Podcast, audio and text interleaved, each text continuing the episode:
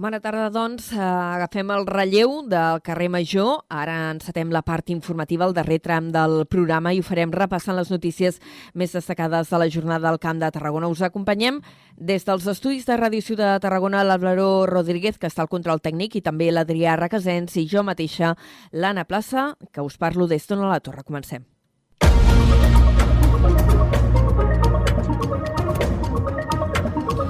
I comencem destacant que el delegat del govern a Tarragona, Àngel Xifré, adverteix que la sequera actual ja és la pitjor eh, des de 2008. Bona tarda en aquest sentit eh, i en aquest context s'ha remarcat la importància d'inversions com les que s'estan fent a Valls per fer més eficient la xarxa de rec. Ens ho amplia des de BXC Ràdio Miquel Llavaria. Catalunya pateix una sequera pitjor que la de l'any 2008. Així ho ha assegurat el delegat del govern a Tarragona, Àngel Xifré, en què explica que en aquell moment van ser 25 mesos sense pluges constants, mentre que ara ja anem pel 32. El delegat assenyala la importància de ser molt conscient sobre la situació per actuar de manera responsable tant pel perill d'incendis com per l'aprofitament de l'aigua. A més, destaca la importància de les grans obres públiques per afrontar aquesta problemàtica. Estem veient ja que s'ha iniciat la segona fase de, de la zona de regadiu de maig. Ja, doncs, per exemple, també a la zona privat tenim un estudi d'alternatives per regar el privat històric. Esperem que en pocs mesos tinguem ja aquest estudi d'alternatives i es pugui prendre una decisió sobre com ha de ser el rec de la zona del Priorat. També ara veiem, doncs, per exemple, el tema del Meixcamp. De fet, ja l'ACA, l'Agència Catalana de ja va fer algun estudi previ per utilitzar l'aigua regenerada de la depura de Reus per regar tota aquesta zona. Xifré explica que serà important intensificar i portar endavant tots aquests projectes, malgrat que encara no hi ha data per les obres pel reaprofitament de les aigües de la depuradora de Reus. Una iniciativa molt demandada pel sector de la pagesia que depèn del rec del pantà de Riudecanyes i que preveu que l'estiu d'enguany serà molt dur.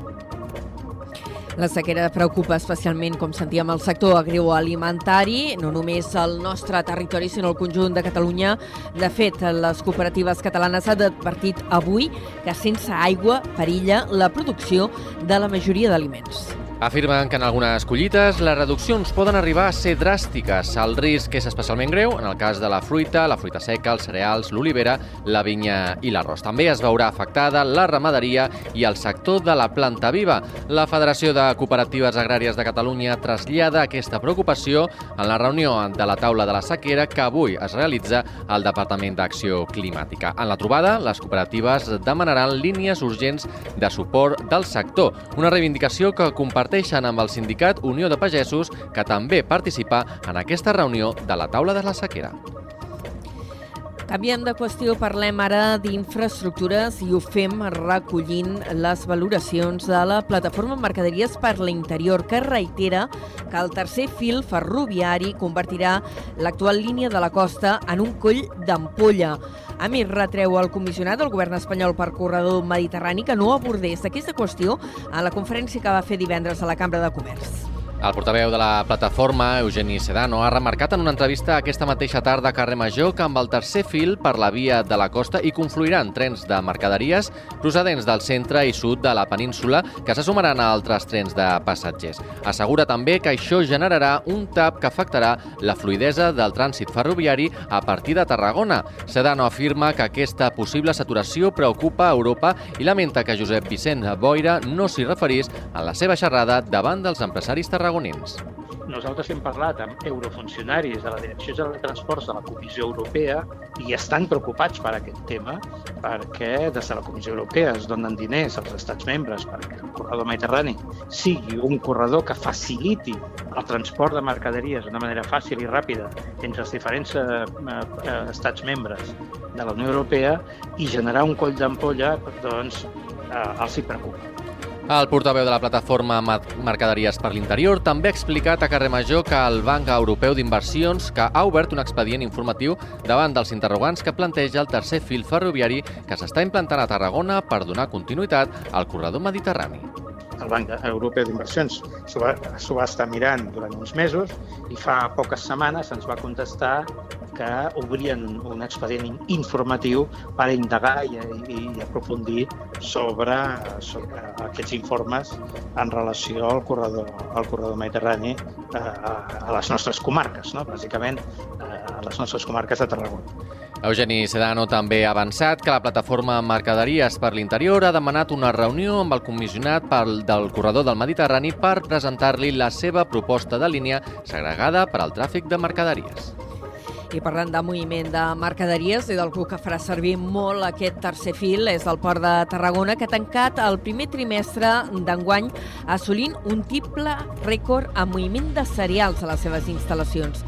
De fet, el tràfic de cereals aquest últim mes s'ha comparat s'ha incrementat un 3,2% si ho comparem amb el mateix període de l'any passat. Si ens fixem en tot el primer trimestre, de gener a març, i el comparem amb el del 2022, l'increment frega el 66%. A més, l'autoritat portuària ha assenyalat que aquest març s'ha assolit el millor resultat dels 12 mesos consecutius, sumant gairebé 5 milions de tones de cereals.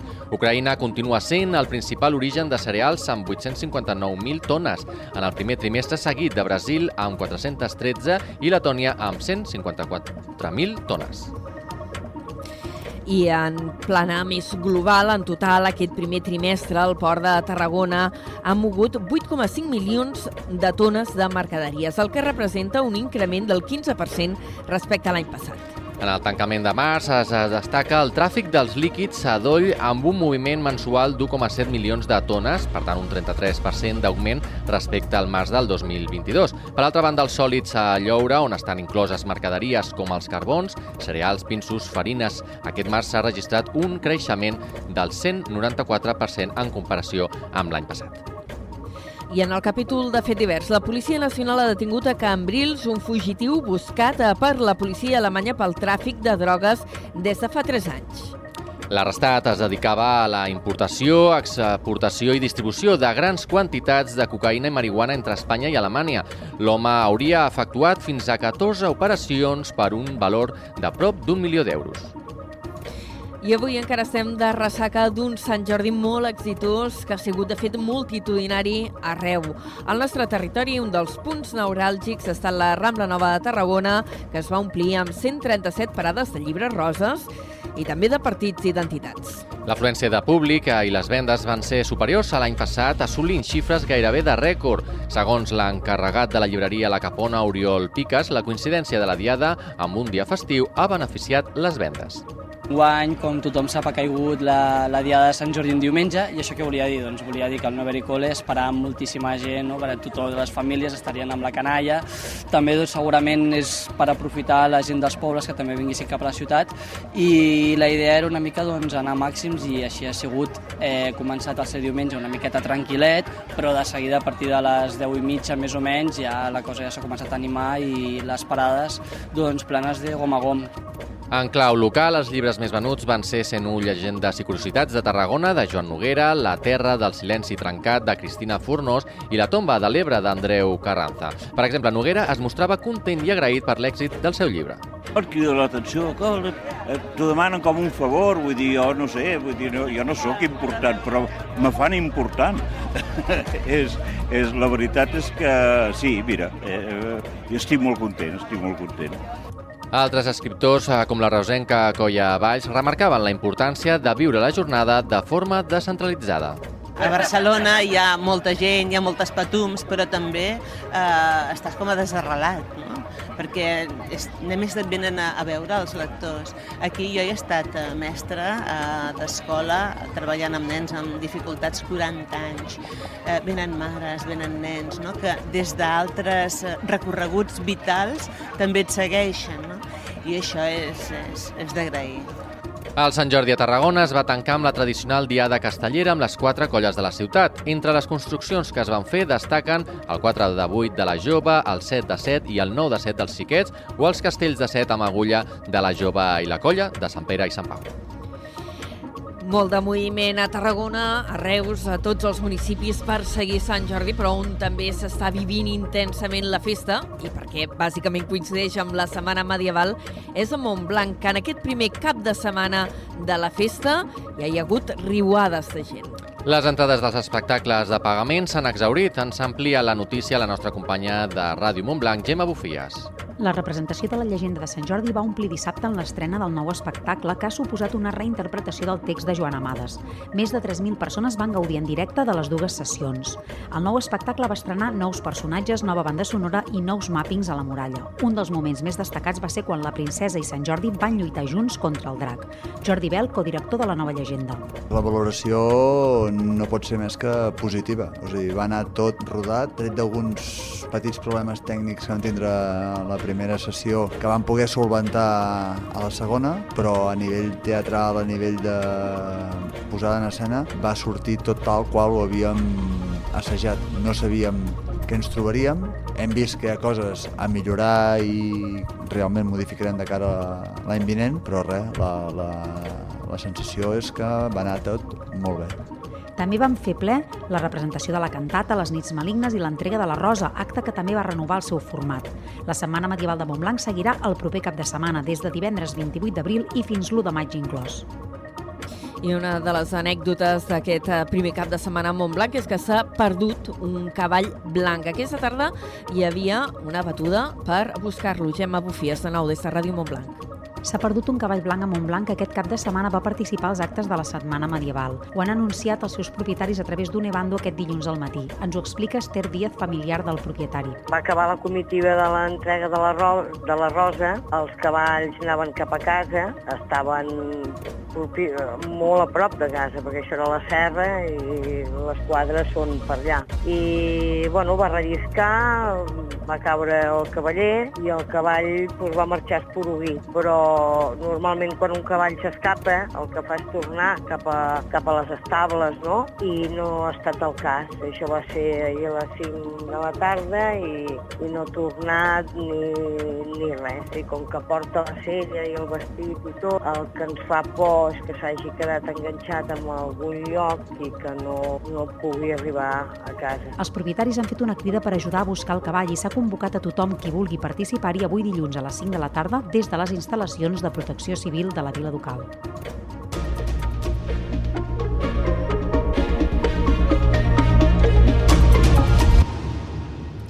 I més enllà d'això que us hem explicat en clau de crònica del cap de setmana, ara ens hem de tornar a situar a Montblanc, eh, quan falten dos minuts, una mica menys eh, per tres quarts de set de la tarda, i és que la vila ducal haurà de recol·locar la bandera espanyola a l'Ajuntament. Ho exigeix una sentència del Tribunal Contenciós Administratiu número 1 de Tarragona. De fet, al setembre de l'any passat, una sentència ja va obligar l'Ajuntament de Montblanc a posar la bandera en un lloc destacable de la casa consistorial. Llavors es va col·locar a la taulada de l'edifici al costat de la senyera i de la bandera de Montblanc. Ara, una nova sentència diu que aquest no és el lloc correcte i que s'ha de col·locar a la façana de l'Ajuntament, a més de la sala de plens i el despatx d'alcaldia. I en crònica de precampanya, Tarragona Ciutat, destaquem que Esquerra Republicana pot convertir la carretera de Valls en una avinguda urbana. El primer pas passa per la creació d'un carril bici, l'ampliació de les voreres de l'Avinguda Andorra i la urbanització del PP1. Des de Ràdio Ciutat de Tarragona té tots els detalls l'Àlvaro Rodríguez. El tret de sortida d'aquest pla és la creació d'un carril bicicleta i l'ampliació de les voreres del tram urbà d'Avinguda Andorra, que donarà aviat el tret de sortida. Aquest projecte està vinculat al Pla Parcial 1, que crearà 300 habitatges a la cantonada de les avingudes Andorra i Catalunya. Pau Ricomà, alcalde de la ciutat, ha avançat que els carrers projectats tindran els noms de dones cèlebres de la ciutat. Aquests són els passos que ha encetat Esquerra al govern municipal. Pau Ricomà explica que amb aquest projecte volen aconseguir el traspàs de la Nacional 240 i fer un tram urbà fins a Sant Salvador. Voreres amples, aquest aspecte d'avinguda, que ens aproparan ja més enllà de les salades i que serà el que donarà arguments per reclamar que sigui el, el Ministeri qui acabi de, de fer aquestes voreres perquè l'espai que hi ha entre Sant Pere i Sant Pau i Sant Salvador sigui ja, podem dir, en tots sentits urbà i llavors tingui sentit el que volem que és que es passin les, les carreteres. Amb tot, l'objectiu d'Esquerra és reduir la quantitat de cotxes en aquesta entrada a la ciutat. Per aquest motiu, també han demanat a l'Estat fer un bypass entre la Nacional 240 amb l'A7 per reduir la circulació d'aquesta zona. I encara un altre punt de política tarragonina, perquè avui hem sabut eh, que eh, José Luis Martín, que encara és portaveu del PP a l'Ajuntament de Tarragona, serà l'alcaldable dels populars a la Canonja. Recordem que Martín no ha estat inclòs en la llista dels populars de Tarragona eh, que encapçala Maria Mercè Martorell. Ell va ser qui va rellevar eh, Alejandro Fernández al capdavant del grup municipal dels populars a l'Ajuntament de Tarragona quan Fernández va fer el salt a la política catalana. De fet, encara és el portaveu al partit i n'havia sigut el cap de llista en les darreres eleccions de 2019. I en un altre municipi, a Torredembarra, també s'estan succeint aquests dies presentacions de llistes.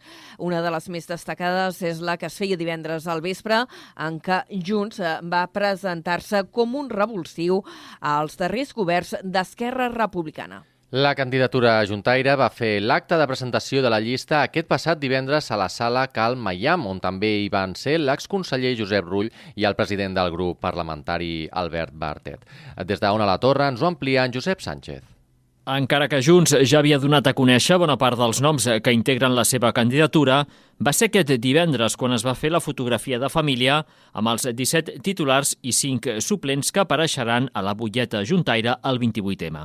La llista l'encapçalarà l'actual regidor Xavi Suárez, que va presentar Junts com l'única alternativa real per governar a Torredembarra i posar fi a la inacció dels darrers governs d'Esquerra. Junts per Torredembarra és l'única alternativa real per governar nosaltres som el revulsiu necessari per evitar la inacció i l'estat de somnolència permanent en què ens han instal·lat els diferents governs d'Esquerra Republicana. Davant de la inacció, reacció i davant de la fragilitat, fermesa. Aquests som nosaltres, els de Junts per Torredembarra. També aquest cap de setmana s'ha presentat la llista completa de la CUP a la Torre amb l'exregidor Toni Sacristan com a número 1. Els anticapitalistes asseguren que estan a prop de tornar al consistori i han marcat com a eixos del seu programa la remunicipalització de serveis públics, una fiscalitat justa i progressiva i les polítiques d'habitatge.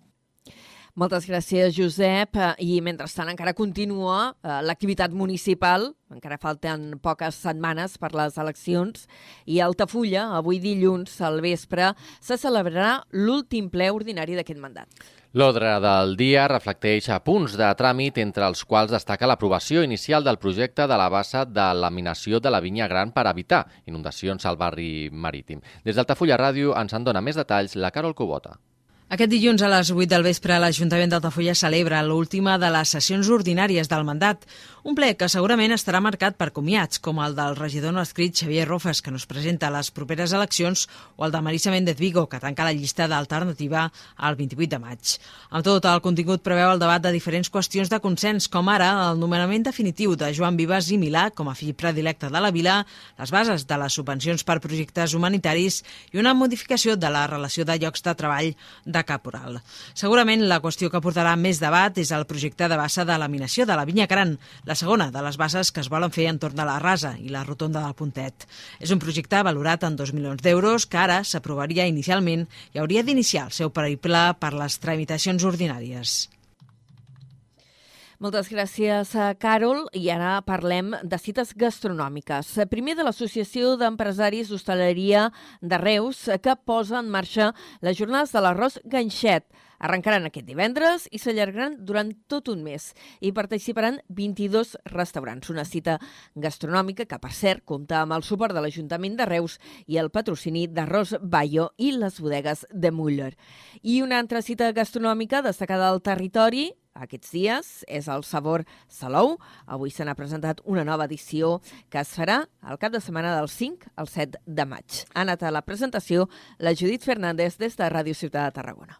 Del 5 al 7 de maig arriba l'onzena edició de les jornades gastronòmiques de sabor Salou. El passeig Jaume I de Salou s'omplirà amb un total de 33 expositors gastronòmics i 20 estants amb l'objectiu d'incentivar el turisme gastronòmic de la Costa Daurada. Aquest any es preveu més afluència que cap altra edició i per això han previst una ampliació de metres quadrats, obrint un tercer tram del passeig Jaume I i ampliant l'horari de les jornades fins a les 12 de la nit. L'alcalde de Salou, Pere Granados, assegura que Sabor Salou és un esdeveniment gastronòmic pioner al sud de Catalunya. Però com dèiem, per a nosaltres la gastronomia és molt important i ens ha donat un excel·lent resultat com a oferta turística, però també com a oferta de visitants. Que en les dades que vam donar de la despesa del 2022, la gastronomia és el segment que més creix. La comparativa del 2022 amb el 2019 de lo que és restauració, gastronomia, té un creixement molt, molt important. A més, per garantir la comoditat i la seguretat de l'esdeveniment, s'han reforçat tant els serveis d'ambulàncies com els cossos de seguretat. Moltes gràcies, Judit. I tancarem aquest bloc de l'informatiu situant-nos a Vandellós, on el Centre Cultural esportiu i recreatiu ha presentat la seva 34a edició de les Jornades Culturals. Unes jornades que van començar el darrer divendres 21 d'abril i continuaran aquest cap de setmana. Des de Ràdio L'Hospitalet ens ho explica l'Iris Rodríguez. Història i vivències a càrrec de Santiago Bès, Francesc Gil i Frank Rodell. Aquests van ser els protagonistes de la presentació de les 34enes Jornades Culturals per commemorar els 50 anys del Centre Cultural Esportiu i Recreatiu de Vandellós. Francesc Rodell és l'expresident. Des de la Junta actual del centre, aprofitant el 50 aniversari, van demanar si els presidents que no hi som, que han passat per la Junta del centre, volien participar en, en tots els actes d'aquest 50 aniversari. Sent una entitat que per arribar als 50 anys eh, és molt difícil, poques entitats poden arribar al 50 aniversari, doncs hi vam dir que sí, tots ens vam, ens vam oferir. L'acte va tenir lloc a l'Auditori de Vandellós el darrer divendres 21 d'abril. Durant la taula rodona formada pels expresidents del centre van recordar diverses anècdotes que van viure als inicis de la Junta. Les jornades culturals van continuar el dissabte amb la clotxa, l'espectacle infantil i una degustació de vins. Els actes seguiran aquest cap de setmana amb la presentació del quadern d'història local número 2 a càrrec d'Òscar Pinto i Alfons Tejero i la festa popular del pavelló esportiu de Vandellós.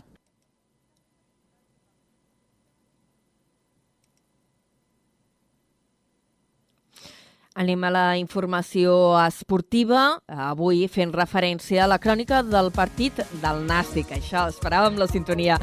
Amb aquesta crònica del partit del Nàstic que s'ha disputat aquest cap de setmana en què els granes van perdre per 2 a 1 davant de l'Atlètic Balears. Aquesta derrota, els granes es mantenen a 5 punts del descens i es podrien complicar la vida. Des de Ràdio Ciutat de Tarragona ens ho amplia l'Adrià Tella. El Nàstic de Tarragona per al camp de l'Atlètic Balears per dos gols a un en un duel directe per la zona baixa. Els de Dani Vidal s'han avançat amb gol de Pablo Fernández, però han vist com els locals li han remuntat el partit en el segon temps. Derrota que deixa el Nàstic amb els deures per fer mantenint de moment el marge de 5 punts amb el descens, però advertit, encara es pot complicar la vida. Ha entrat bé el partit al Nàstic, el conjunt tarragoní ha sortit atrevit anant a buscar els locals i en presència en pilota que en contrari i no ha desaparegut aquesta idea. L'equip s'ha mostrat amb major confiança que en les darreres jornades a domicili, fins i tot quan el Balears ha anat creixent i generant també arribades, especialment per fora. Al minut 28, després d'un servei de cantonada, Joan Oriol ha posat una gran centrada al segon pal perquè Pablo Fernández anotés el 0-1. Però l'Atlètic Balears té perill i molt, i ho ha demostrat al segon temps. Dani Nieto ha tingut l'empat, però Manu l'ha evitat. Un Manu que ha fallat greument pocs minuts després, deixant la pilota morta a l'àrea petita en un mal rebuig que ha aprofitat Xisco per notar l'empat, superant a un tou Eric Montes. S'ha trencat el duel i han començat a arribar les anades i vingudes i en aquest context l'ha manejat millor el conjunt de les illes. No havia aparegut el màxim golejador del Balears, Dioni ho ha fet per remuntar el partit. Ha convertit una centrada de Laura en un autèntic golaç, rematant en planxa i posant la pilota a l'escaire des del punt de penal. Quedava, però, el capítol final del partit en la darrera acció amb tot el nàstic canari rival. Un mal rebuig del Balears ha topat amb Manu García i acabat dins la xarxa. L'àrbitre l'ha anul·lat per unes mans inexistents, ja que la pilota ha impactat al cap del porter, que ha embogit i ha acabat expulsat. El nàstic ha vist com li han aixecat el marcador a favor, ha viscut un final surrealista i torna a perdre després de cinc tornades sense fer-ho. L'Atlètic Balears ha deixat clar que és un dels conjunts amb futbolistes més en forma de la categoria i suma 3 punts per superar els tarragonins. Tot i la derrota, els granes es mantenen a l'espera que jugui la Nucía 5 punts per sobre de la zona de descens.